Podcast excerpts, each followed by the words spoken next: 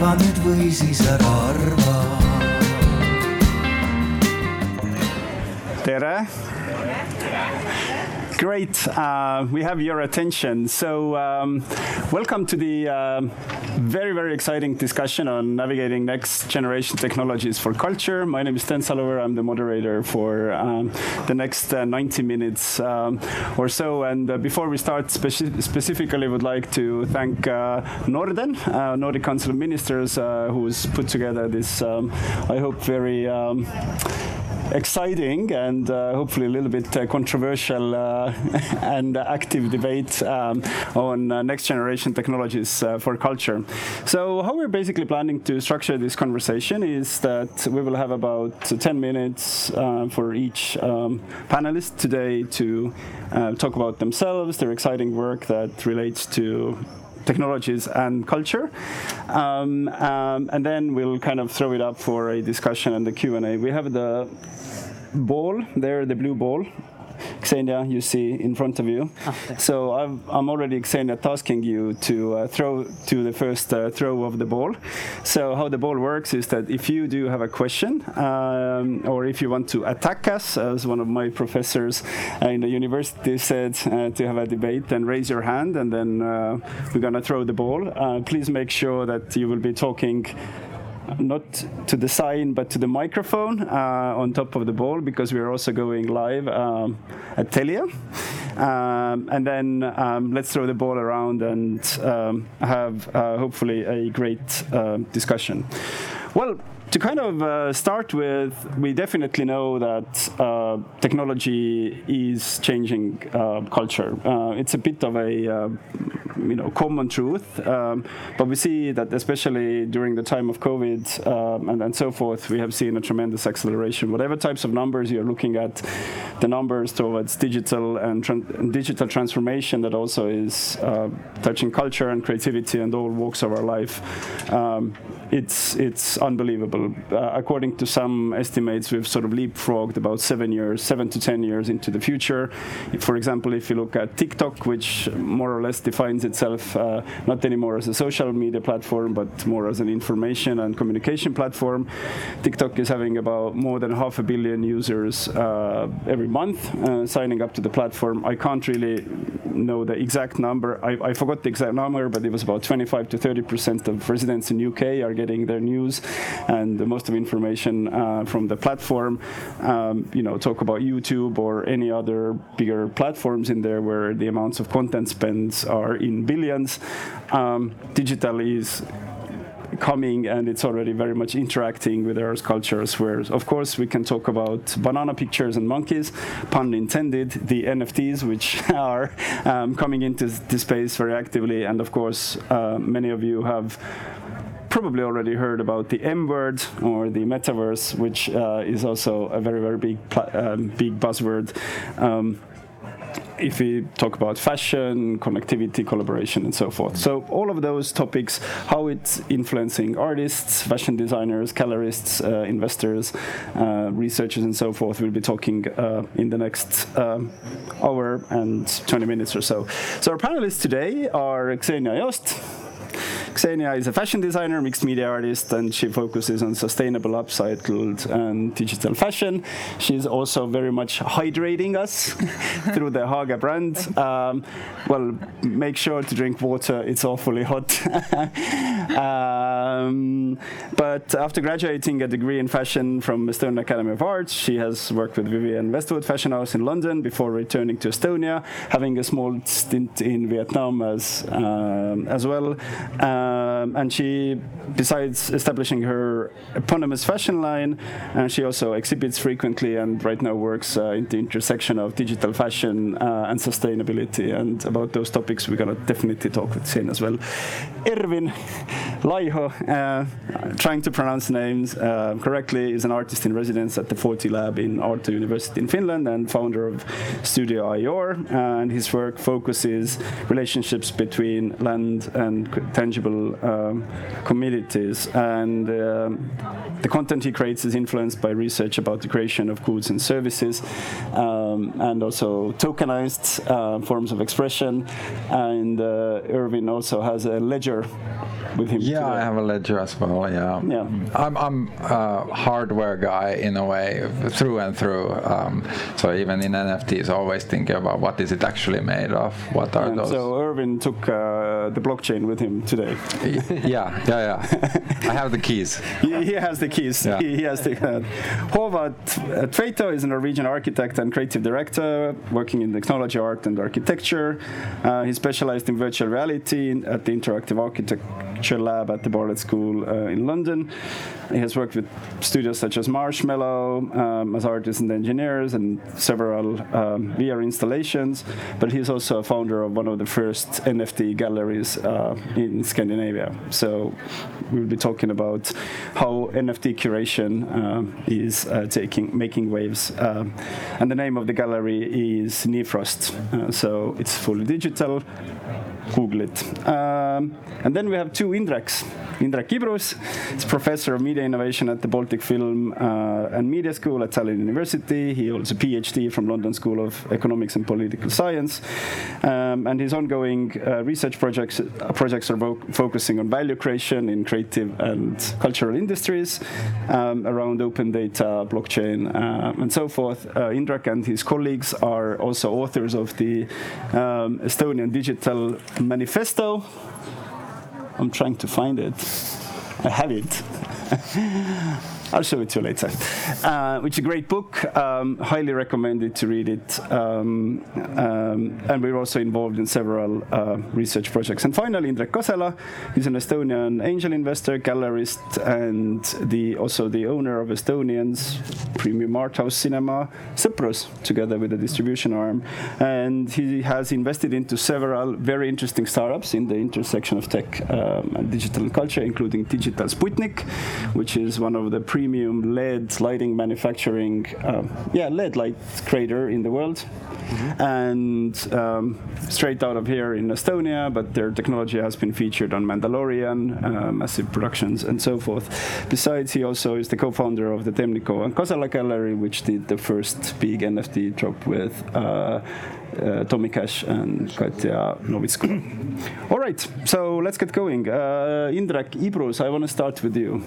So, um, when you you've been researching, let's say, the larger paradigm shift um, yeah, between traditional or established cultural industries and um, and the new wave. Um, what exactly are those big paradigm shifts? We see those spikes all around, but in your manifesto, you quite very much defined what this new reality, what we're already experiencing right now, is about.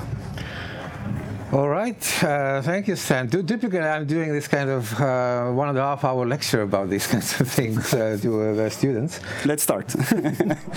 But uh, but yeah, we wrote that manifesto so uh, almost one and a half years ago, with the purpose that we based on an understanding that. Um, that in Estonian context, the digital culture, the emerging digital art forms tended to be, in terms of policy-wise, kind of nobody's business.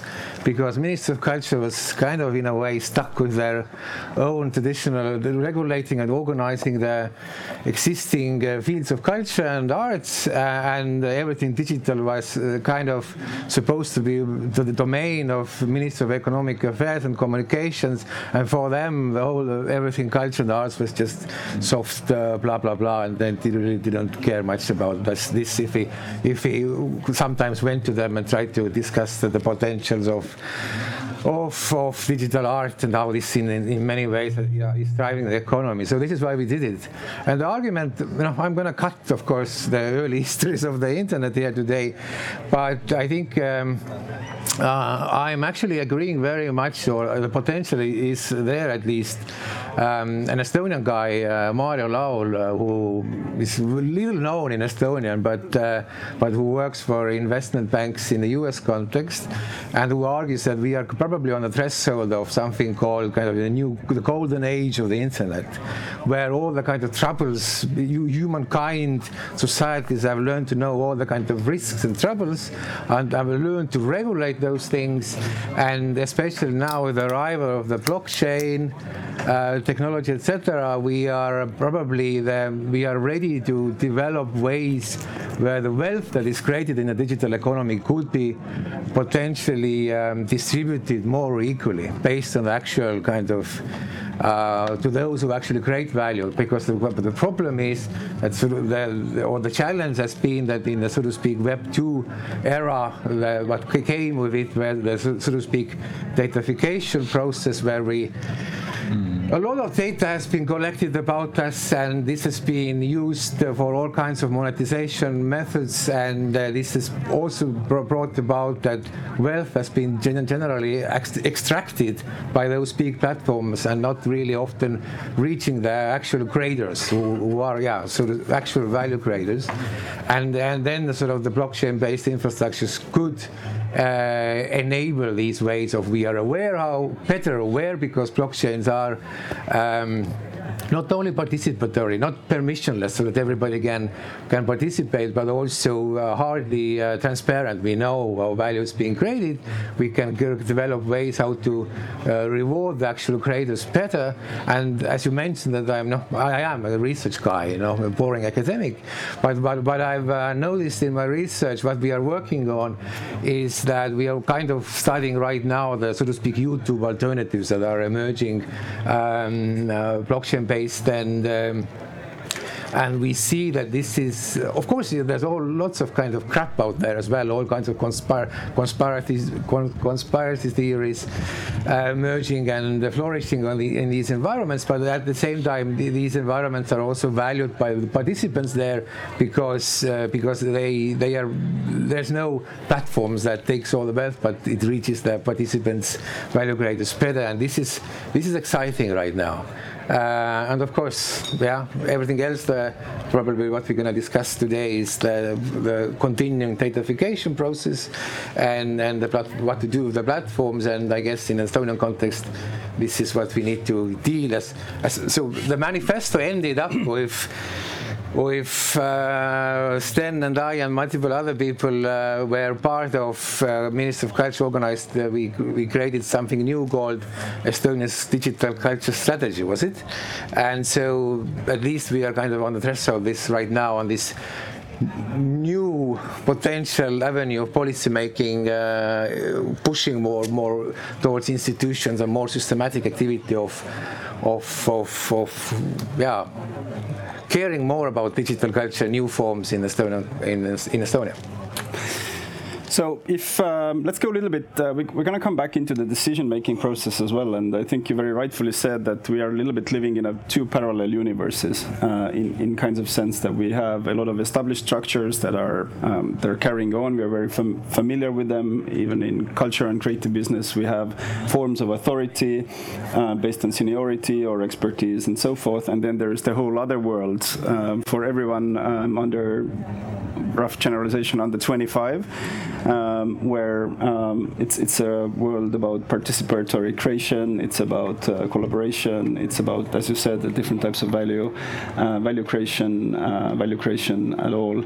Um, in which, um, I mean, why, let's say, we have seen so less um, adaptation of those that new digital world into our mainstream uh, mainstream culture and why are those uh, key sort of let's say strategies or elements or topics what decision makers have to keep their eye on to get uh, get on boat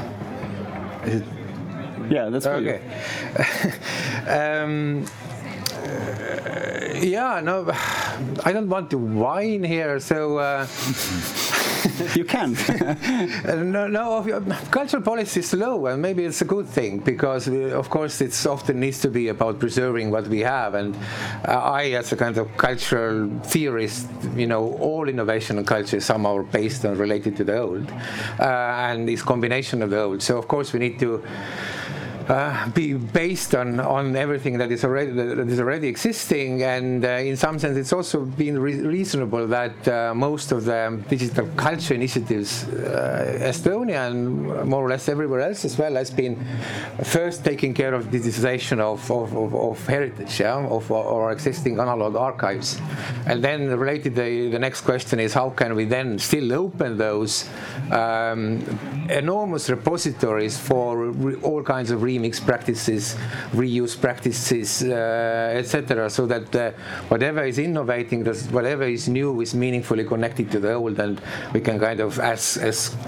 citizens, as participants, we can continue building of uh, our identities in a way, our knowledge uh, spheres uh, in relation to what's what's already existing uh, around us. It's there's a lot of value in there, but of course. Um, so very, very often it's about uh, certain path dependencies, inertias in uh, government structures. As I said, uh, in Estonian context, uh, the digital culture has been kind of no man's uh, land for a very long or time. Or a bastard child, kind of. Yeah, yeah, bastard child, because it's we are we are used to think about that. Oh, here in Estonia, we are all very kind of forward-thinking in, in, in terms of digital, but in the culture sphere, this has really not been the not really not been the case actually.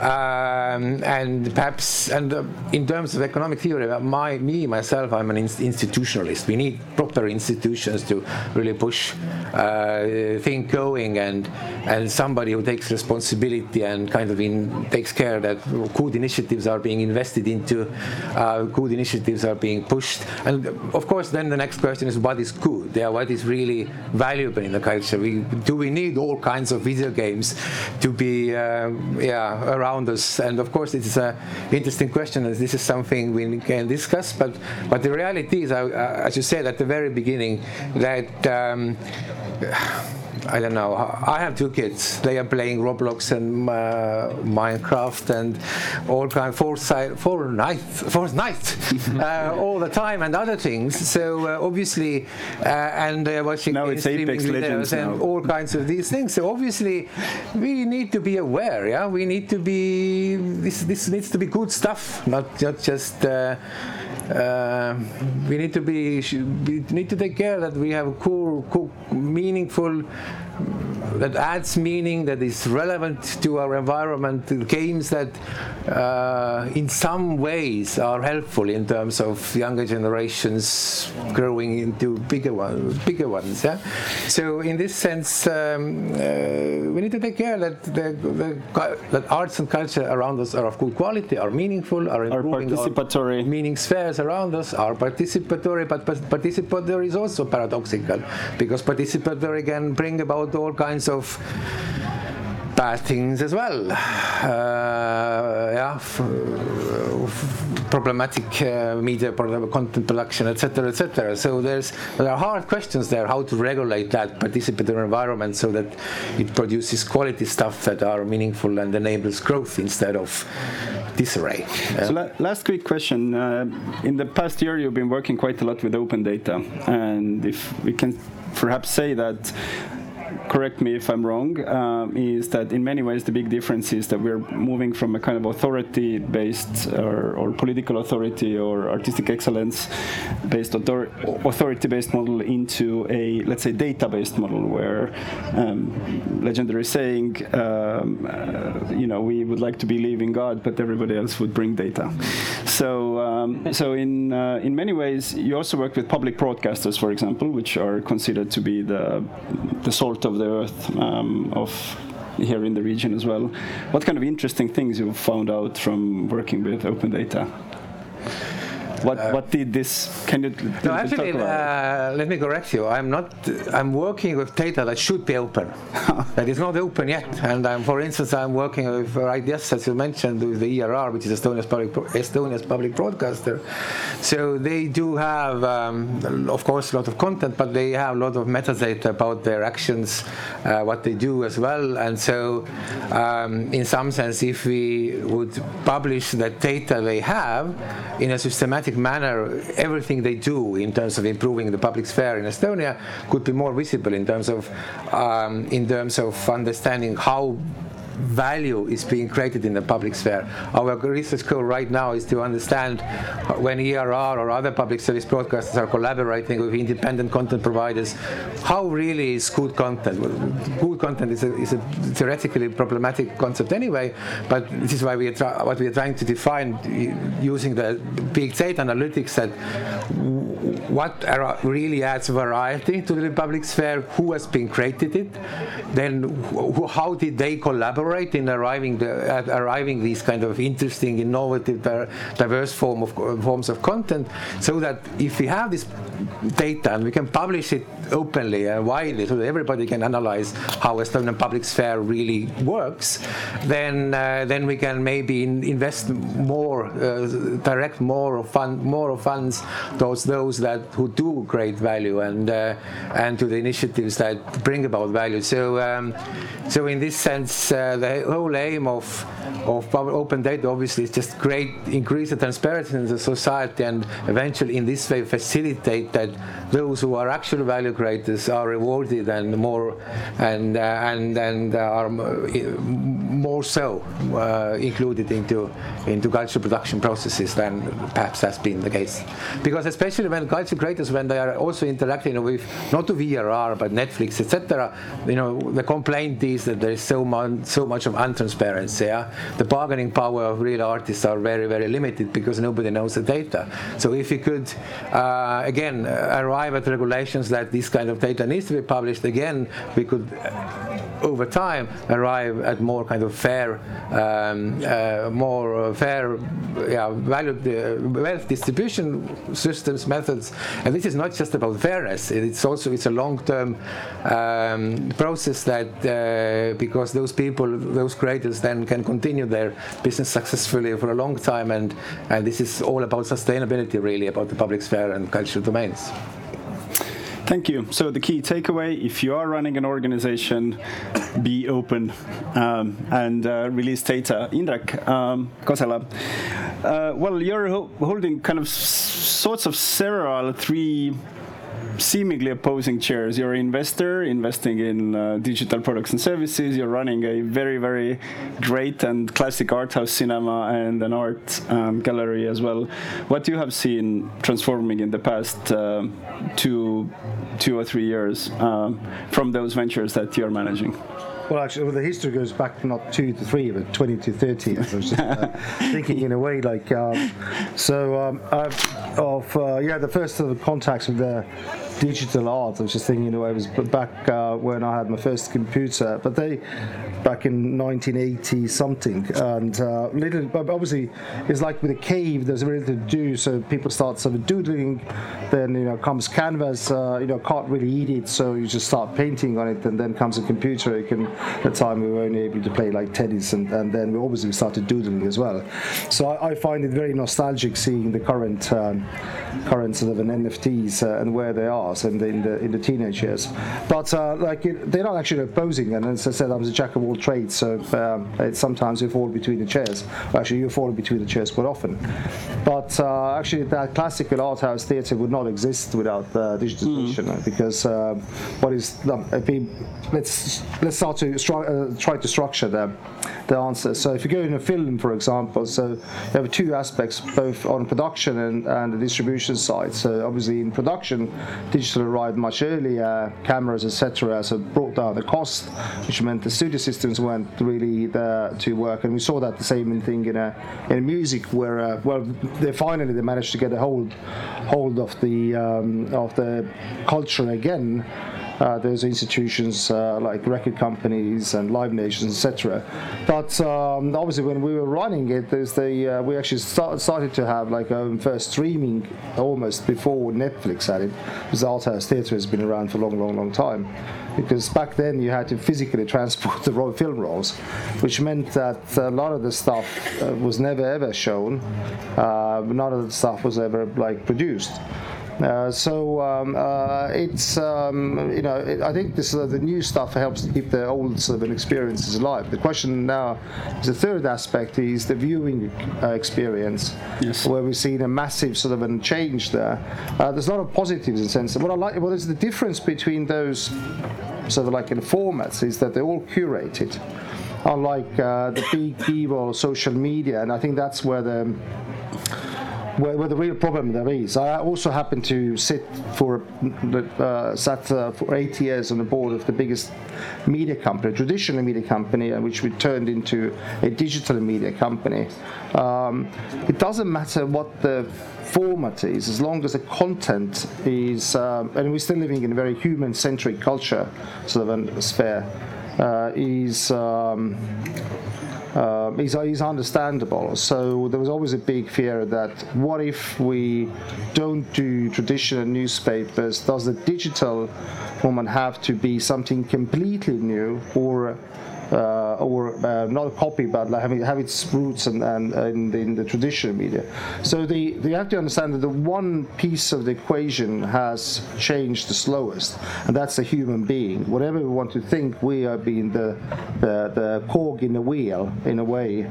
So there's a lot of technology that can help that, but also like you know our cognitive part is, is still um, has um, you know it's a 32-bit level, so I would, I would say. Uh, but you know there are ways. I'm not going to get into that. That's too too fringe. She was talking about using hallucinogenics to like expand the mind, etc., which will happen as well. But uh, yeah, the the, the the cinema would not expect. So the street, the viewing is uh, is I don't I'm not um, very negative about. I think my thing is that the more people get exposure to the culture, the better. The question is then comes like what type of culture. Uh, we and I'm I'm I'm not don't really like operate in the in today's world, as I said, like you know the. Um, whatever we see institutions, the formats, etc., is very human centric. Uh, would the AI create its own culture? And how does that affect? And I think that is the, the, the very big thing that we should think about. So, um, and, uh, and what we're seeing now, I think, is this is uh, in, in, a, in a physical world, in, a, in its like, classical and very sort of an epic example is really the battle between the kinetic world, which is happening in Ukraine, which probably will be one of the last massive kinetic wars. Uh, hopefully, we will survive. And then, and then the future is basically where you, you know, it's an, more like in a movie experience where the human lives any longer, no longer will be sort of expandable. So I think there's a lot of things happening at the moment. So we, we don't like, you know, uh, the and the old institutions are trying to harness and to make sense of it as well. Uh, but what you said, I don't actually see that my bigger problem. I always think that things happen in the fringes, whereas a culture and technology, like you know, Finland is a fringe country, but you guys like you know invented mobile phone and created the best best uh, mobile games. So uh, and then once it becomes something, then all the institutions come in and try to make sense of it. And obviously, you know, the problem with uh, with, the, with the existing institutions is that you know it, uh, recognized artists are always recognized, no matter what format they are. I mean, like you know, Jaan Toomik does sculpture, film, video, whatever. Like you know, the problem comes when some kid, random kid, comes and does something, and because then you know, I said we are, I said this is the the human centric sort of views. Like, so who's that suddenly now? But uh, in music, I mean, like the Minister of Culture has never created a music and has never created anything in a sense. So I think uh, all those institutions will have to be and will either die or re- be redefined, and so you can't stop that. Or uh, hopefully that migrate into metaverse. Uh, wha- whatever, like uh, most most likely. I mean, we you know we're so old. We we still remember the Second Life, and uh, there's been a few other attempts uh, as well. But it's like in, it's like you know, it's uh, um, it's like you know building a mobile phone with uh, world's biggest and best lasting uh, battery, which Nokia did and failed, and and the other guy said, "Oh fuck the battery, like let's make it a nice," you know, and that's now the Apple iPhone. so you know. All right, but let's talk about fringe kids. Uh, Tommy Cash um, and Temnikova Kasela is a very well known and very well represented gallery. Um, Venice Biennale, you have an um, amazing uh, roster of um, artists working with you. Can you a little bit tell about the motivations and the, the drive of making that NFT project with Katja and uh, Tommy Cash? Well, I, I guess I said, you know, the um, was what we've seen in Valley. So great things happen when you know, you know, there's sort of a, what I call a club kids uh, meet. So the engineers and um, and artists. Um, so uh, that's. Uh, because they're both in in in, in creation, uh, so um, and it, it, was obvious that we will evolve into something uh, like that. And I think what is particularly interesting about the so it's uh, NFT block called Mutagen was that um, maybe we can also have a picture while Indrek is talking. Yeah, but then it's an um, uh, so. Uh, so that, it, it, was it was very confusing for the established artists in a way because you know they were like you know what's the big fuss about this thing uh, and I compare that we are like in a, in a teenage years of the NFTs, where it's more closer to collecting uh, like baseball cards or digital stamps, and that's fine. When the volume is very important, is remember like in a teenager, you were very passionate, like you thought your your love was the biggest in the world, and you were like amassing these things. I, I used to collect stamps and stuff like that as well, you know. But then you have this one thing that's just like you remember, and then eventually you throw everything away, and then you know you move on to the, to the uh, onto the other things. So um, it was just, uh, uh, and it's why I think was it was seminal in a sense. It was, was trying to actually converge the sort of you know digital native with artists that already have some um, some sort of reputation. But those are all artists who had, as I said, in, re, in reality, it doesn't matter what format they are. So they already had worked in, in digital format. So we got best uh, best developers together, uh, best guys together. Actually, uh, that's a bit of an industry secret. But Toomik had the hardest time in a way, although you would think. But um, and he's, he's, he's, very visual. Had a very uh, important show in with the National Art Museum, etc. But in a way, in the process, he had the hardest time in a way to kind of um, um, get himself digital, which is which is uh, strange in a way. But that's I think what happens with real artists; they take time to get into them. Anyway, uh, so uh, it went super well. I made tons of money, which is uh, you know one thing that I think I think what the, why people are paying so much attention to it is really the money. Uh, I think cyberpunks are there to stay. I think apes are going to go because they don't really have artistic value, and I think this is what we uh, would. and, but I, I'm a strong believer that this baseball baseball card collection will eventually morph into something because what it does it provides the finally the the platform. So we we used to be very big in selling video art and traditionally how video art is sale, sold is that we make a dvd you know, we put it in a nice box seal it and then we issue a paper certificate and sign it and say like do not show it to anybody like you know just this is yours privately now. And i give you an example. So like you know which i i had so uh, this one dvd DVD can cost tens and tens and thousands, uh, thousands of, of, um, of, euros. And the real problem was uh, that was that uh, I mean, you know, there are people with very extensive video collections. Is that, but you want to also like have it to show it to the public, but still kind of retain the fact that you can still own it. So there's a very big technological thing. It's the same what happened in cinema. That finally everybody can can access and not to worry about. So that's the biggest thing. There is no such thing as NFT art yet. I mean, there, like I said, there's a bunch of kids doodling around. Some of that will, will become very, uh, very big. But uh, it was like uh, making the uh, getting, you know, getting the, the canvas. You know, the obviously people will forge and do that. So uh, and we will be doing a next drop very soon. So stay, stay, stay tuned. Hopefully it goes as well as well. But it's it's a multi-year project now, and and I think um, it's. Um, and again, I don't think the old uh, old institutions can uh, can kind of control that. So whether the Christie's or others. So um, let's see. Very very cool. Thank you, um, Xenia. Well, how how are you then doodling around with uh, NFTs. Um, look, fashion industry has been, you know, historically so much obsessed with the with the value of uh, producing something exclusive um, and physical. Um, and you've been also been involved in a very high line of fashion. Um, how how did your transformation into the uh, digital world uh, came about, and why? Yes, it is so true that uh, fashion actually it's uh, very like uh, trendy and it always tries to be ahead of time, isn't it so? But not in digital space at all. I don't know what's happened with us, but this is this is the truth. So uh, in fashion, there hasn't been so much digital movements at all in the production side, in the in the art side, in whatever side you look at it, and uh, huge, huge uh, sustainability issues, as we know. Uh, so there is a lot of ways how to approach it. The digital uh, aspects in the fashion. First, it's from the production. So if we look how much we can gain with the collaboration of uh, digital and, and, manufacturing, we can reduce a lot of um, costs, a lot of overproduction, so on, so on. So this is actually already happening. So it's not that something that will happen. This is how a lot of fashion houses and fashion brands are working nowadays. So that means that the first sampling is done digitally, uh, and you can see how it will look on the human. And uh, then you decide do you want to produce produce it or not? And you don't need to do so many samples anymore.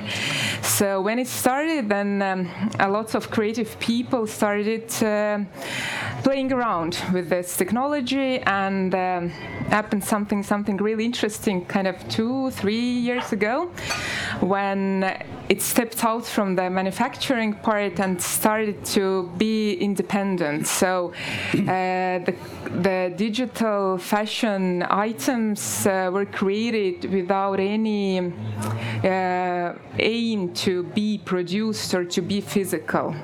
The first one was sold um, by Fabricant three years ago now, two years ago.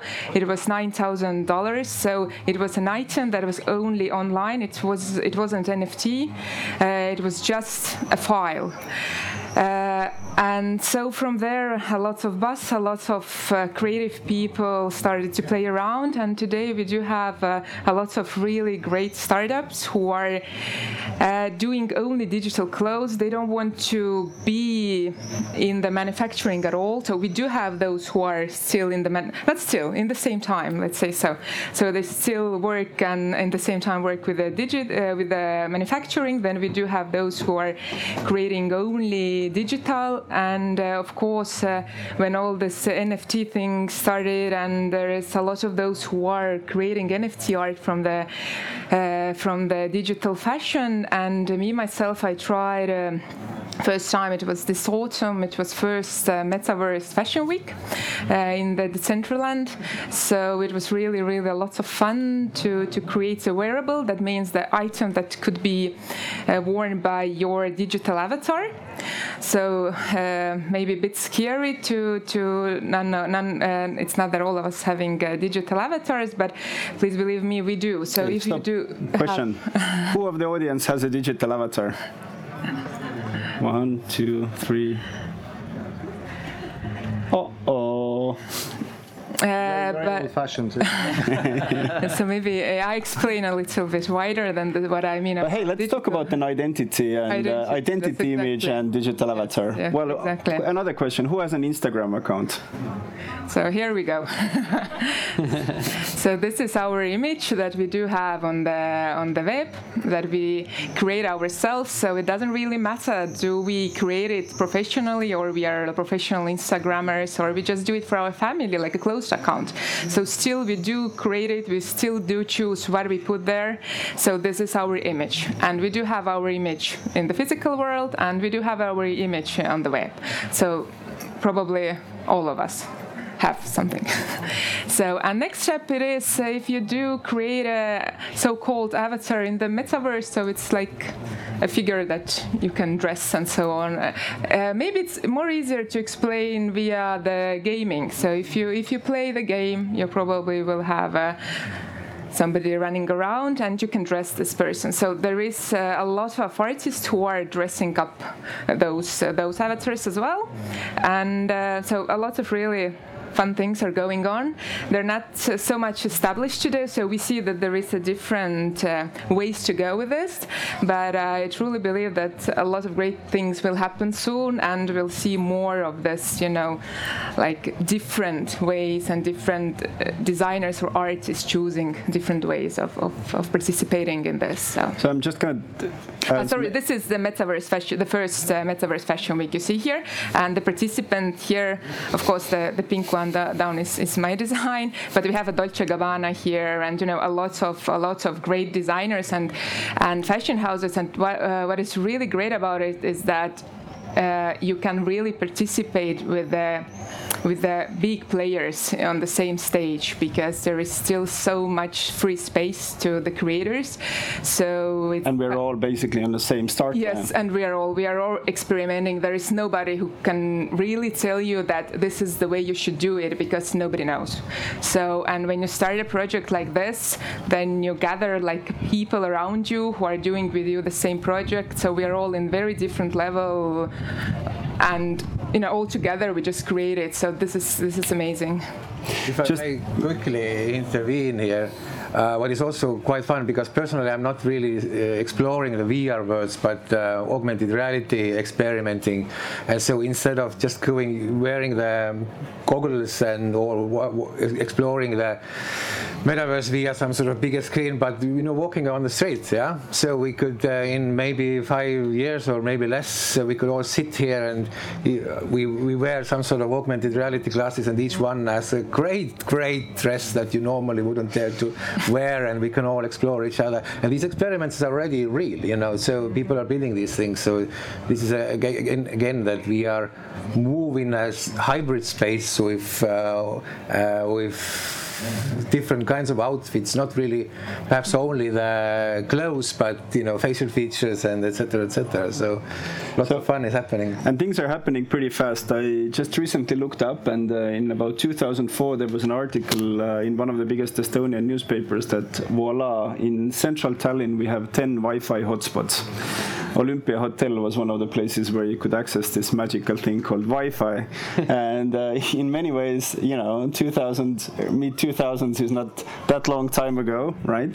So, so everything what we're talking about somehow is coming much more faster uh, than uh, we would like to believe, and definitely it's not only the domain of gamers. Re recent research also shows that, especially during the pandemic, everybody plays, um, uh, including seniors, middle-aged people, and so forth. So those things, those collaborative, semi-virtual places uh, are becoming our lives, um, parts of our lives, um, increasing, increasing Meanwhile, if you don't have a digital avatar, I'll do a little bit of blatant advertising. There is an Estonian startup called Ready Player Me. You take a photo of yourself, um, put it on, and in about 10 seconds, you will have a perfectly fine digital avatar of yourself. It's totally amazing. um, Xenia, I really, the last question um, I wanted to really ask about is um, the connection of digital and sustainability you, you talked about. Quite often, I, I'd say in a classical, even in culture, there seems to be a sort of a mental opposition that digital definitely equals servers and waste and electricity and so forth and so forth. And sustainability is something that needs to be very much down to earth, green, and so forth. Um, you've been working on the sides of both. You a little bit talked about manufacturing, but but where is like your work going about? Not so long time ago, I think last autumn, you told me a, little, a few shocking numbers about Estonia and uh, Kotsen, I think. Yes, yes, yes. Shock the audience, please. Uh, so the, the, my best move is this: that uh, if today we stop manufacturing the clothes like all over the world, then we still have six years new clothes to buy from the shop and to wear. So this is the situation that we are today, and it's growing. So it's not that it's it's reducing itself somehow. Now it's growing. So the situation is really bad, and what we are doing. So I can talk actually actually about fashion sustainability for one more two hours. Okay, two minutes. Uh, two minutes I have. So cool. Um, about uh, about the di- digitalization. So the the truth is that a lot of us are buying clothes not because, like all of us guys, it's not because there's nothing to wear in the in the cupboard. It's kind of we need two pairs of trousers, one we wash and one we wear. That's it. So above this, what you're buying, it's not it's not anymore about what to wear or that you don't have clothes so it's more emotional. And this is where digital fashion can help out. So for example today what we are doing already is that if you are having an instagram account and you want to wear something fancy or maybe not fancy whatever something different you don't need to buy it from the shop. If you do it only for the photo. So you can actually buy a digital dress digital pants digital sweatshirt. And you you can have it on on your instagram account or or you know maybe on the photo. What I'm doing today is that I'm doing a or on your Zoom call. Zoom call, yeah. Uh, what I'm doing project with a um, creative incubator in, in Tartu that they want to have um, their staff wearing my digital shirt. So on the on the web page. So that means that you don't need to produce to have a photo of your stuff on the company si- site. Yeah, no more bad swag. So yes, you actually can have it like a digital way, and you can create like you know all kind of things. It could look very real, like this shirt, for example, or it could be something you know moving around or whatever. So. Uh, and Instagrammers, the influencer, are using it already. I have had a maternity shoot with one lady who wanted. So if there wouldn't be a digital fashion, she would, you know, buy some clothes from the shop only for one photo shoot. Same for the fashion magazines, and so we have a lot of online on the Facebook. We have this um, uh, marketplace where you can buy things, and there's all all the time I read that uh, I, I it was worn only one time for the photo shoot. Come on, like for the photo shoot. So this is actually the sustainability issue that we are already solving there, and of course the production part. Great. Uh, let's do a quiz now. We've been talking about quite a bit of metaverse. Uh, we have the Votemo platform here. Um, can we get the Votemo QR codes? Yeah, so on the Votemo platform, we have a little quiz for you, um, or a poll. So, um, so the poll is very simple. Uh, question is this: Are you ready to implement digital Web3 technologies such as NFTs, blockchain, or metaverse into your professional or private area of practice? So, uh, let's see. Let's give a minute for, for people to uh, to answer. I had some uh, prejudices because I thought that most of people will say no, it's too complicated. Well, actually, we see that 77% of people want to learn more. So, uh, wow, that's uh, that's great. And about 8% people are ready to do that as well. We'll continue the conversation. You still have a time to vote if you have any other questions to uh, both online or um, or here on site uh, microphone and vote in my chat as well. But Erwin, I want to turn to you.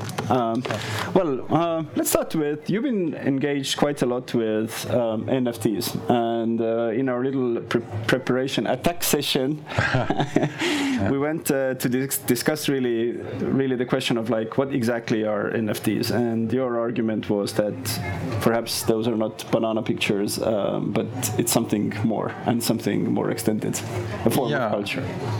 Yeah, so just to elaborate on Yes. how I see NFTs Yeah. currently, And what's your excitement in there? what's my excitement?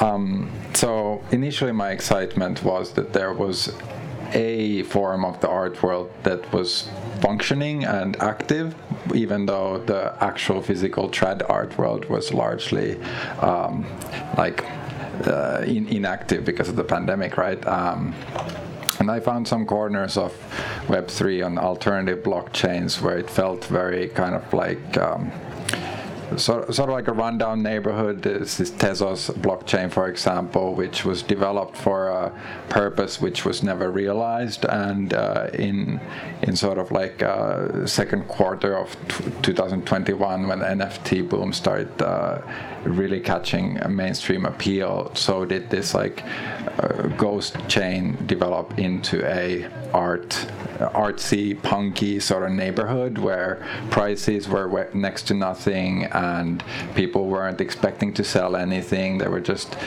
tinkering around with the blockchain, and there's actually my first work, which is a video piece referencing the sort of underlying logic of just well binary logic of computers, and then drawing parallels to how we've kind of like perceived digitally digital media in past but yeah, the the fact that there was a active and uh, like sort of just a burgeoning sort of area where there's a lot of exchanges between artists, not about what they're worth or, or speculating on the value at all, but gallery artists who are represented by real trad art galleries trying to think through uh, what's what's the most uh, reasonable, uh, native, kind of like essential way of using this uh, distribution format, and um, well, art made a natural uh, kind of like uh, first co- or, or first comer to the NFT field because art has so few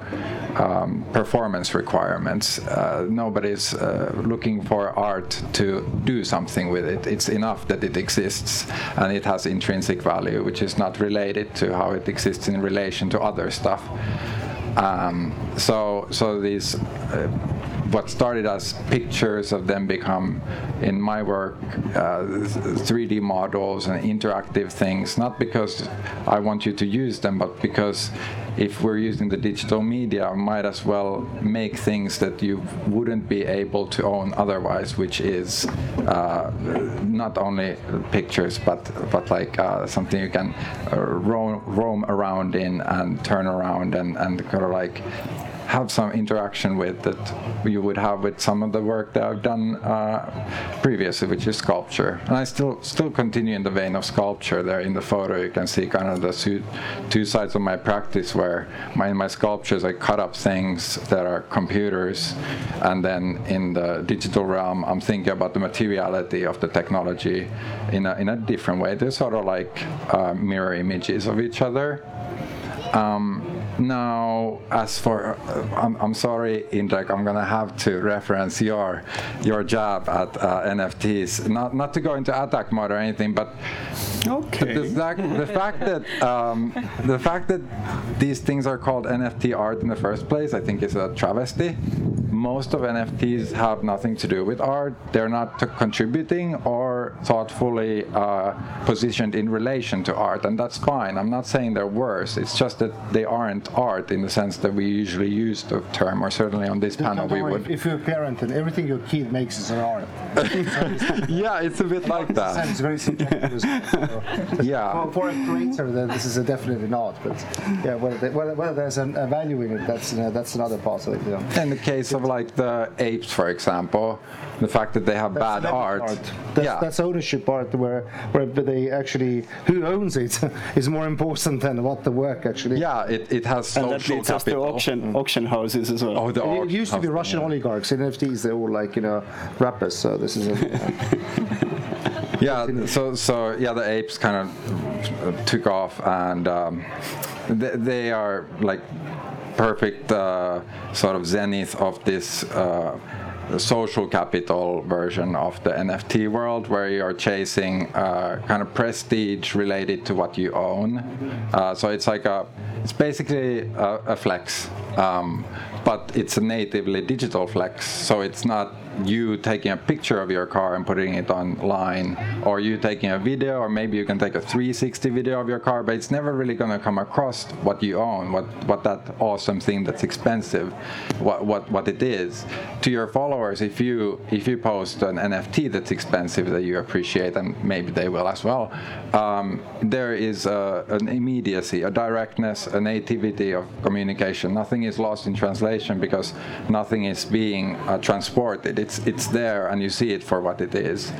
Um, so so this like sort of uh, flex culture we are kind of reeling from. I think the pendulum swung so hard uh, into that direction with the speculative NFT price bubble that.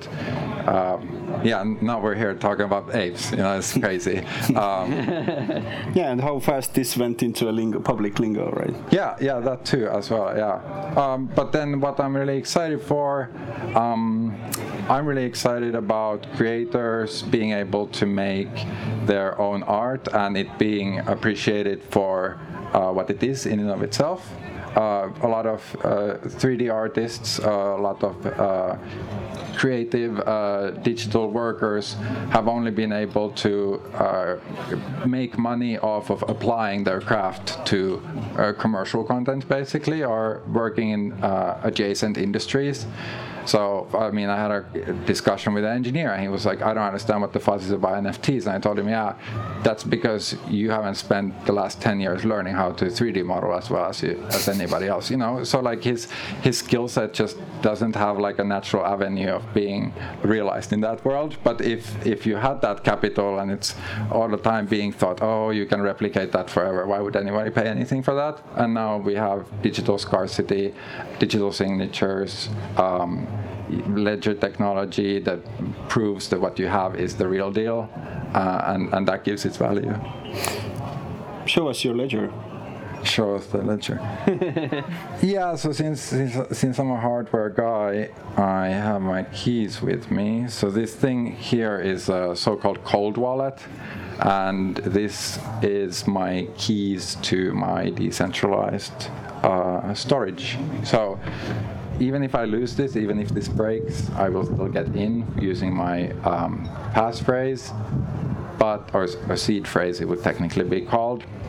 But I'm a self-custodial maxi, as one would say, and I think this is going to be the kind of ultimate battleground of Web3, whether uh, people can own their own tokens, uh, or if it's going to be so that we need to host them on exchanges, which is basically the model that we're subjugated to right now with uh, banks.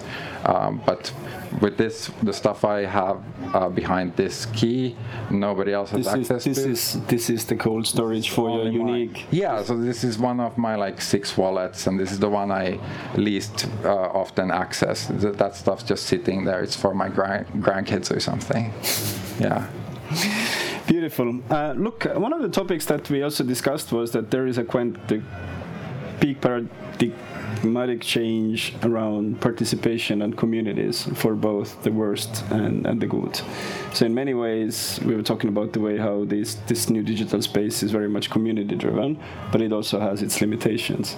Yeah. But at the same time, in many ways, it also frees or democratizes the way how the decision making process in the world, world is happening. Yeah, I think uh, Professor Ibrus's point about uh, decentralization and then the consequences that we don't like to think of. That if anybody can upload any content onto a uh, not curated, not uh, safeguarded uh, permaweb, then you know the that that's a sort of nightmarish scenario if you think about the sort of worst of uh, content that you could upload. Um, and and this is like a really uh, touchy tension that we all want decentralization. We all want so that we can all own a piece of the big thing and be owners of our own content and not ask for permissions, but uh, do it as like like sort of like a um, utopian public space that we all all have a share of, and nobody uh, there's no gatekeepers. But then when the auction houses uh, decide to sell a few NFTs, then suddenly we're really excited about gatekeepers. The, the- so, so, so we don't want anyone looking after, but then, and because we're we're in charge, this is our space, and then we don't want to trad art world. We don't want the middlemen middlemen to get involved, and then yeah, the auction house thing. So in the art world, usually if stuff ends up at auction, it presents a, a possible problem uh, that can be a risk. And you'd rather the things were exchanged because of death, divorce, or taxes through the gallery instead of going to auction, because then it's for everyone to see, and art world likes to be opaque. Um, and then uh, people got really excited because they didn't know that that's actually sort of the vultures of the art world. And they said, oh, this is institutional uh, legitimi- legitimization, this is uh, now the big boys club. But it's, it's really not that those people will sell anything. The auction houses, that is. Uh, so we're, we're yet to see. Uh, Pace Gallery uh, launched a platform. I think they're the kind of biggest, one of the uh, mega galleries that have done things with it. and um, the, then we have trailblazers like uh, Howard and uh, Yeah. Over here. I think that's a very good cue to yeah, to Howard. You. yeah, these guys are gatekeepers in the positive sense, right? They have taste, they have experience, and, and they're really looking out for culture and the people who create it. and in, forward. and in many ways, the potential of this technology, which is not good, bad, but neutral, not either, is, is really for us to make. Howard, well, you originally started as an architect, but you- you're really now work, focusing on new digital forms of creation. So, what's your kind of venue in building the first Scandinavian digital art gallery, Nifrost? No, I think uh, you know my interest in, in this comes in from from you know I'm, I'm, I was a trained architect, but went into to uh, uh, digital art and worked with VR uh, for quite some time. And what interested me is that um, the possibilities of, of digital spaces. You know, often tend to think of spaces, social spaces, as an architect. Um, what's what's interesting is that you know it was touched upon earlier in the debate, but I think we're not going to continue um, walking around in our in the world like this, looking at our smartphone. You know, we are going to be surrounded more and more by digital spaces, digital overlays, um, information, but also means of expression. You know, they might come through a pair of smart glasses. They might be in a VR space, more in the sort of maybe a more recreational setting and a more uh, professional setting. But I think, um, as it was said as well, you know, the, the the humans, we as humans remain, you know, our senses, our, our cultural baggage, so they remain uh, there. But it's possible to also alter this and alter the way that we see our environment. Um, through these new set of senses, you know, we, could, we can make the invisible visible uh, in many ways, or give uh, give ourselves uh, a different set of senses and always new means of expression. I think that's very important. We are living more and more in spaces that are uh, they are digital, but they are also maybe. Um, we um, can think of them as neutral, but you also see that they often come from they come from Silicon Valley. They might come from the U.S. or from maybe from London. They, they come from some of these tech hubs, and we often uh, see them just as, as a product that we consume, something that we we. Uh, uh, have no part in sort of changing. Uh, we feel a bit powerless in sort of changing them. So it's important to see that we can actually open up these spaces. And I think, you know, artists like uh, is, is very interested in sort of working directly with this sort of uh, you know how can we hack these these uh, technologies or how can we sort of take them down on this sort of pedestal in a way? Uh, so getting to my point is like we are still going to want to surround ourselves with beautiful things things that are thought-provoking that might you know even piss someone off you know. We want to make a statement or discuss. So how do we do this that in these often very sort of sterile spaces? We are surrounded by a lot of spaces that uh, you know, Where the politics are quite often invisible. yes, uh, they, they are, uh, um, and they often.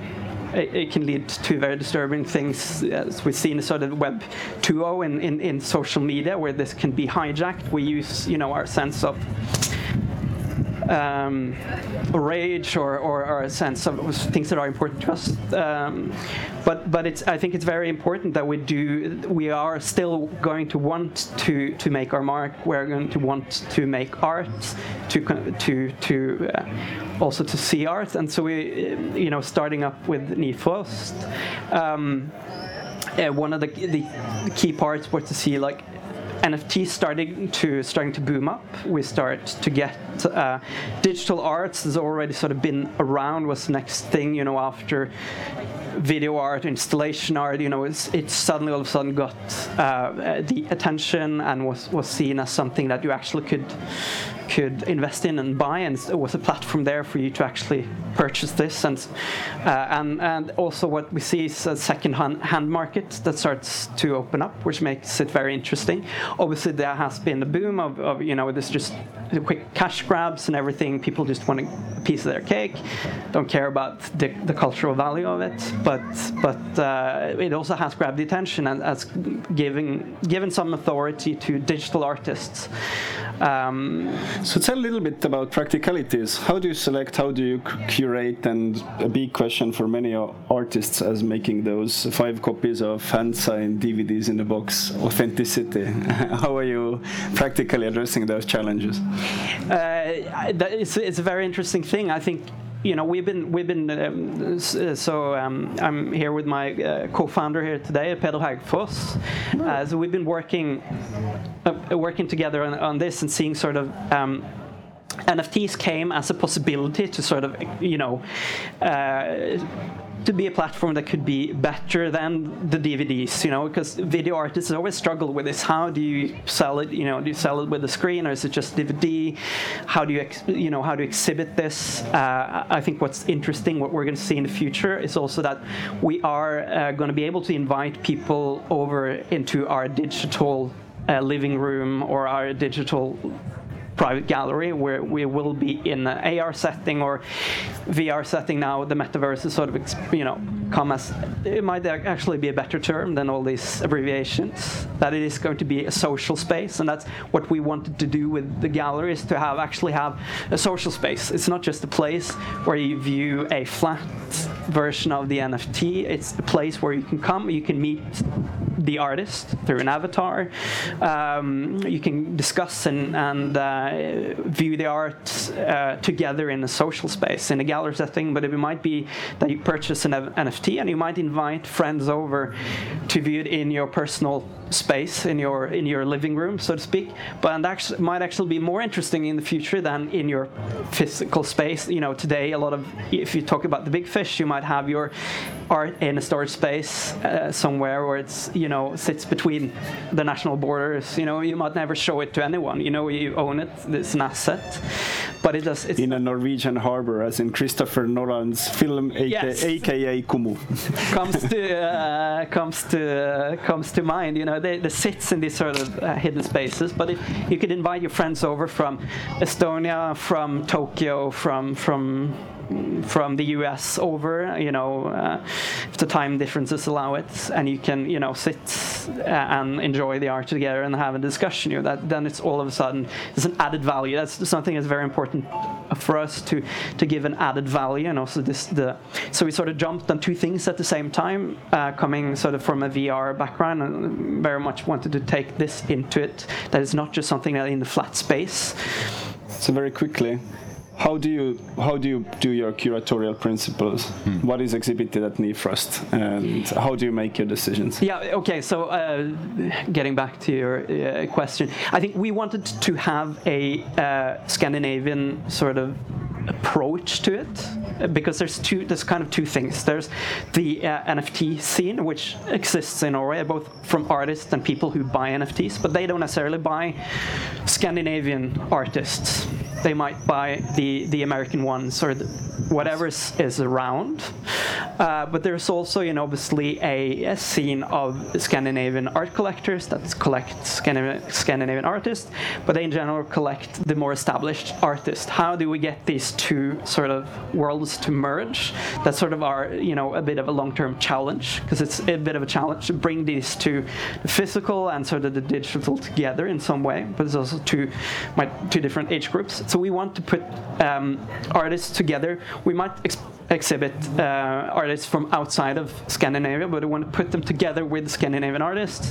So the first big exhibitions, we sort of focus on some of the, the, the sort of the really the big fish. Uh, we had works from from Beeple, Grimes, and so on, put Yes. together with the Norwegian uh, uh, art uh, collective called Trash Benny. So sort of wanted to put these together and see what happens. You know, And what happened? I think it's you know it's it's uh, it's an interesting thing. I think a lot of people started to realize there is actually something happening in Scandinavia. It's not just the really the really big ones out there that um, and it forces you to, to, to, to, to think about it in a different way. You know. So here's here's a tip for the gallerists: big ones, local ones, and make things happen. Possibly yes. Great. Um, we have now time questions for the audience. We have already uh, one for Xenia. Um, what could possibly go wrong with fashion being created and used in the metaverse? What possibly could go wrong? everything. Wow, everything, nothing, guys, nothing. It's creativity, nothing. What could what could go worse? Like the worst thing with fashion. Okay, in physical fashion, I see a lot of the sustainability issues, but it's if you just look at the creative part, it's nothing. It's ex- experimenting all the way, and this is what creativity is. So we do experiment, we do some mistakes, but you can't really call it that. So it's like you know, it's a play, so nothing. We, I don't know. I, I can't see. Maybe I'm too optimistic here. Indrek. Well, I'm an academic, so my job is to think about ri- Put risks, me back on the ground. to think about risks and see all the trouble. So, um, so in the online sphere in, in general, as we all know, the problem is that very often our realities are different. Algorithms are either feeding us different kind of news, or we ourselves, because of our cultural preferences, are seeking out different kind of stuff. And so we increasingly, this is why the danger is that uh, the, the, our knowledge spheres are quite fragmented, etc. We don't really know what each other we do know, etc. So uh, when it comes to that topic, something we have been discussing in the academic context is that what if um, uh, these uh, in let's say augmented realities where you present yourself differently for different kinds of people. So Sten sees your fashion differently as I am, etc. So the question is, should we start regulating that? If But where is the how problem? we perceive I can't see a problem here. um, no, the problem is that we our our realities get so different that we don't even perceive our realities around us the same. Uh, we, I, I may communicate a sign here oh this is all bullshit what you're saying without you even being aware. So basically all traditional uh, strange questions. So police-wise, the question comes: Should this be? Should, should this be? Uh, this space regulated very harshly? It's always the same. I can't even do that because obviously technologies are different, etc. They may show us, present us in realities different, etc. As I said, my job is to be the troublemaking guy and ask the strange questions. So just on the digital identities, uh, Katrin Diedenberg, who's I think she's also doing a session today, or she Yeah, was they- doing. uh, so in four o'clock somewhere in the city, metaverse becomes the topic. Yes, exactly. But Come. Katrin has uh, just recently written an excellent book, section "Sex and Social Media," which really talks about uh, identities as well. It's a really fun read. Um, I highly recommend to um, check it out. So uh, nothing. Con- Sorry, I want nothing. to con- ask more. But, but what is the difference about the physical world? You can do like you know, it, it's a problem in the physical world. It could be. It depends on the on the people around you, how you know they behave and trust it. In I'm not saying that there is a um, definitely a problem, but there, there could be that we really perceive our surroundings really differently from each other based on whatever settings we have either applied ourselves or others have applied. And then the question is, yeah, it is a question if this kind of potential perceived reality fragmentation is a problem. and Can it, can, I, I can't imagine trouble, problematic scenarios, and this is why the yeah the question is there. Håvard. Uh, I think it's interesting because it translates like there's kind of two points I might try to make, but one is is that you see. Um, uh, we saw it, like, or I got kind of uh, um, had a, a big, uh, or was almost scared when when seeing uh, what was happening when um, Meta first launched. There's a range of of, uh, me- uh, of metaverses, uh, Horizons being one of them, and w- there were questions that were raised then, or things that happened uh, Yes. unfortunately that happened that we never thought about when arranging our gallery because we cater to like a smaller uh, group. We left the gallery sort of open for people to come in and visit, uh, more or less kind of unattended. But when seeing when a lot of people come in at the same time, as in uh, when when Meta or Facebook or have their uh, concerts, for instance, in in the, the metaverse, everyone is just chucked into a lobby, and you're suddenly all of a sudden there, and you have all different age groups uh, there together. That poses uh, problems. You're all freely moving around, talking to each other- but there's also a person that that. Um, uh, reported to have been sort of virtually abused or assaulted, and that was a big case. You know, like is that even possible? Some people might ask, but there's a lot of studies that show that the way we uh, perceive digital spaces or virtual spaces are exactly the same as in real spaces. Our uh, our um, modern brain will know that I'm not here, but if you try it in VR ever and you lift it up, for instance, in a fewer heights, our sort of Stone Age brains will get freaked out. And also the, the social space becomes sort of affected by this. So there, there's this sort of, there's one, I guess, in terms of digital fashion or the digital surroundings, you know, how do we culturally sort of read these spaces? Could we sort of, you know, uh, could we get uh, someone get offended or someone would you, you pose also these types of, of, of um, problems where you sort of need to, to regulate these spaces to avoid these types of things happening when you are sort of together it's not just on your instagram or it's a sort of a, a different type of communication so these things are going to uh, come with these types of social I want to come back to this uh, this question a little bit later uh, because much of that space is for us to define, and it seems exactly that. exactly. Either they're not defined yet, or we are not actively defining themselves. Um, yeah, Gonzalo. Yeah, so building back to this sort of, um, the subject navigating the next. So you wanted also to be attacked, and I'm just thinking, being very pensive and thinking you should really trash your your research, what you've done on this, because everybody is trying to. There's a lot of deja vu in a sense. So what is NFTs is what we had in music in underground. Okay, underground becomes mainstream inevitably either because of quality or there's commercial valuation. You know, you go to jazz concert, you don't only see people of own age. So that's what you're talking about a lot.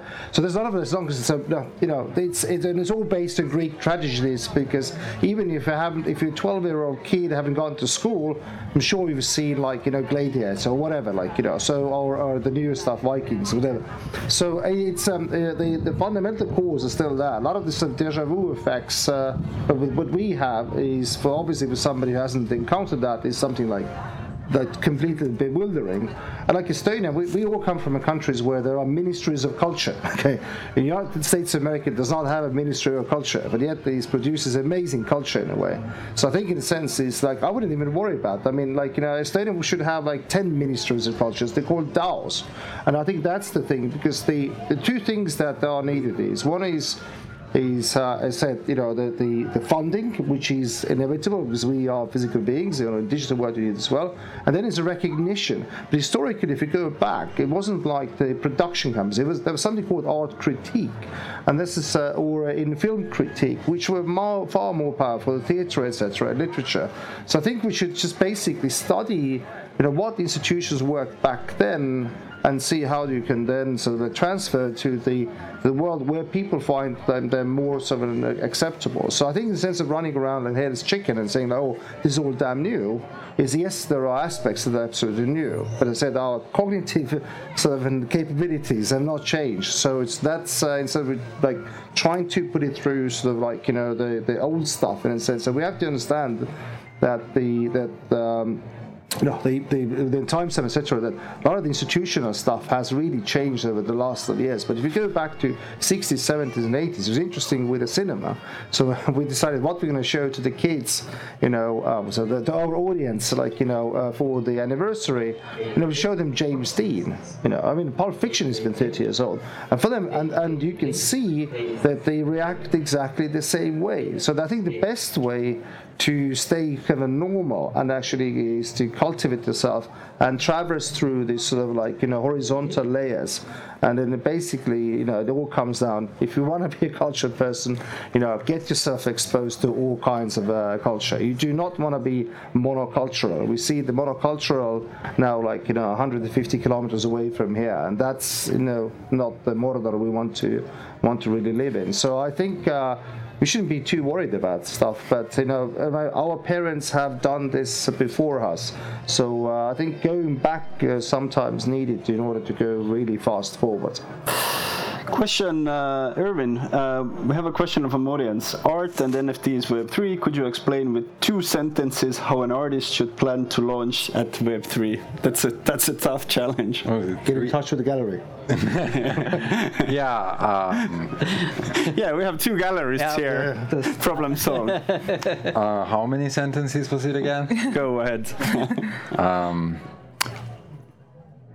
I think they should think about the stuff that they have put aside in the past because they didn't have budget or space or materials.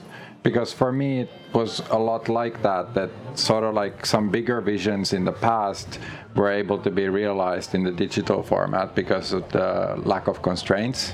Um, and then I would strongly um, suggest that you don't use traditional media, but you work in the digital sphere from the beginning to the end. That uh, there's there's a lot of uh, people who paint or draw and then they photograph the work and then sell NFTs of these pictures, but it defeats the whole point of uh, making digital art.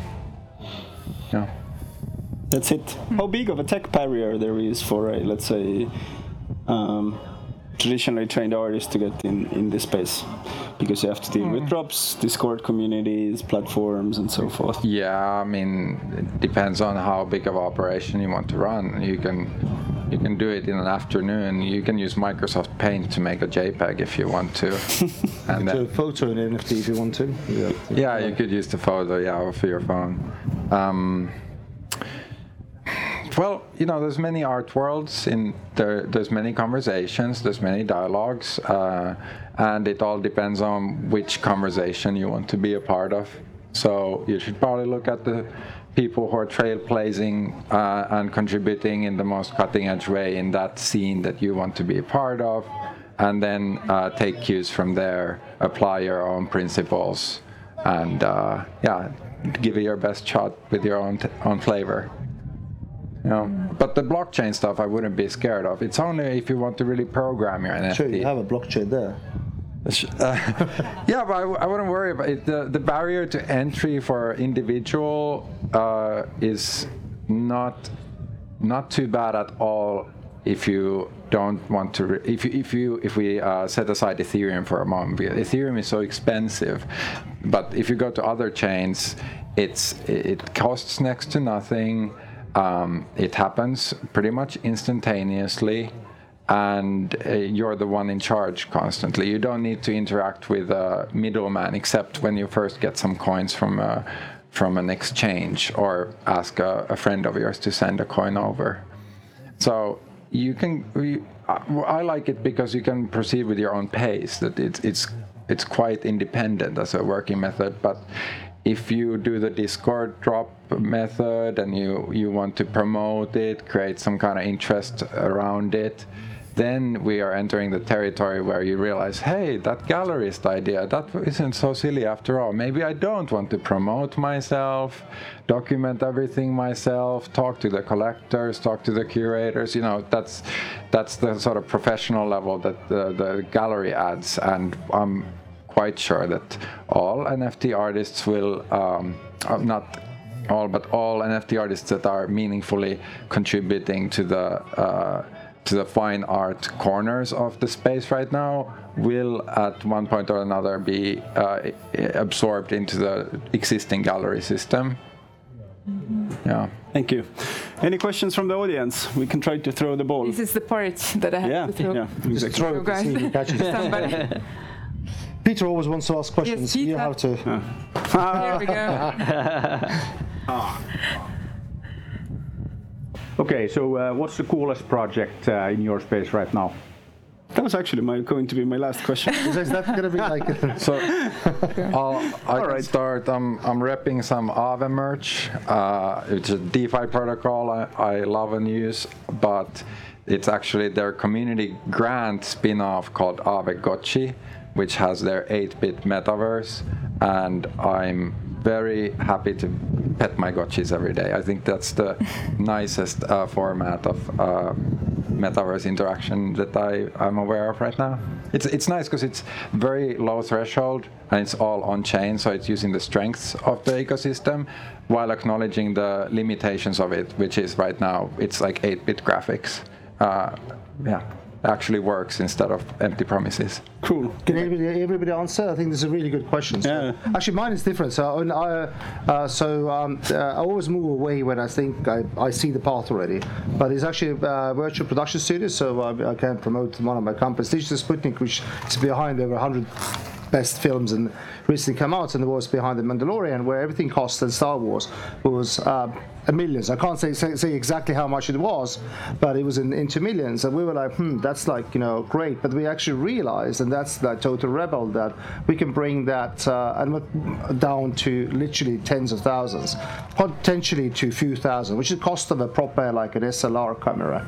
Because I think that's the last question you said, like you know, what's the technological barrier? Because yes, there is. I mean, the more money you have, more stuff you can do. And in film, particularly, is like you know, this is sort of a you know you don't have it on green room stuff, but but uh, this is going to be one of the main formats already, and we know from internet traffic Yes. is that moving images is number one, and making virtual production accessible, basically having a live picture behind you, and not having to like have to look like you are an amateur, but you can really be like you know in a real setting, bringing that to the people. I think that is something that we'd really like to, and I think that is the last barrier for the, uh, at least in moving images of film, uh, for uh, for bringing down the power of uh, of the, uh, the the the studios, which needs to be done because we've done distribution. We've done everything else, but still the means of production, what Karl Marx said, the means of production should be handed back to the people, and that's what we really need to do. Xenia.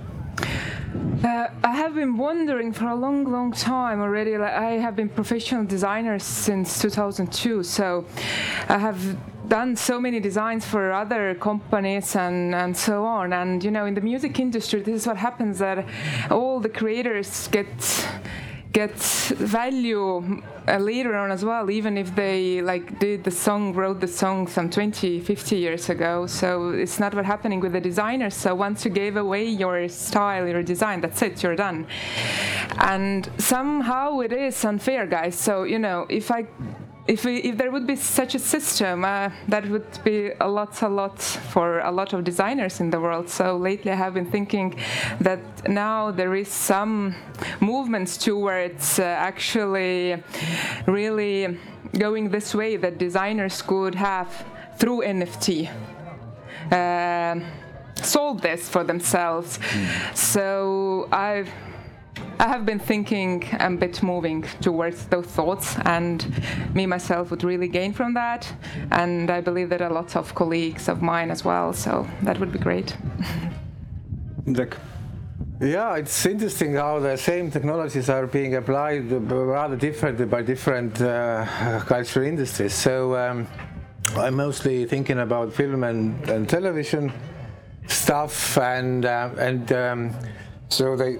Uh, the university where I work uh, in, we have had 10 years a study program called transmedia production or cross media production. Yeah, it's all about uh, that you not only produce a film, but you, you create a story world and you then you create animation, uh, video games, all kinds of comic books, etc., etc. So because you already created a kind of intellectual asset, so you can expand and expand and include the community.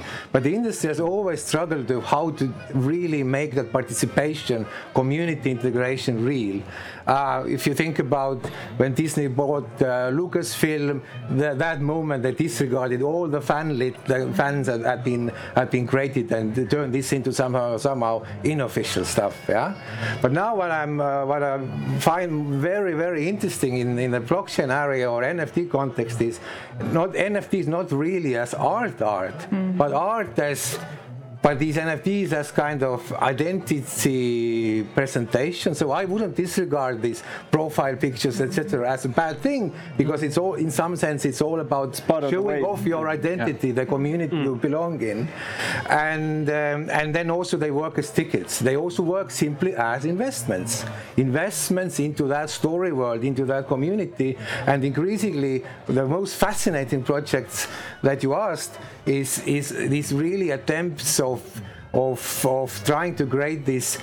Um, uh, communities of, of creation where the participants really are invested in. They they perceive that this is their own, yeah, and they, they, they are part of it. They then they are really integrated. They participate in communal music creation or communal sub-story creation, etc., etc. So this is what we really should now uh, teach in our university in terms of how to how to manage this transmedia project and Tali Graphic and community community management project. They create DAOs, yeah, etc. Decentralized auto- autonomous organization, etc.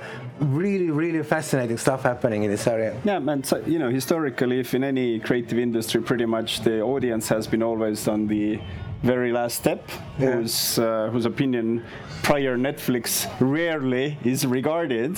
Then now everything is going towards community first, where you have to create some meaning and then make your decisions and directions afterward. Håvard. No, I, I, I'm kind of touching upon the same thing. I think it's it's going to be extremely interesting to see now uh, the sort of the communities that will come out from both uh, sort of the the, the um, infrastructure when that comes in place with sort of high speed uh, internet being able to actually have the infrastructure even if your your uh, phone or your, your device is not the strongest and being being able to sort of up the fidelity. That coupled with with uh, now seeing artificial intelligence really booming in terms of self-expression you know there's there's really sort of a new field opening up uh, through prompt-based uh, um, algorithms where you can use text in order to guide uh, artificial intelligence to produce images or video, and really seeing a new sort of uh, boom there, and see how how are people going, to, given these tools, how are people going to express themselves, what is going to come out of it, and that when that comes together with these social spaces, I think that's going to be extremely interesting. Um, yeah. Yes. All right, we're perfectly on time.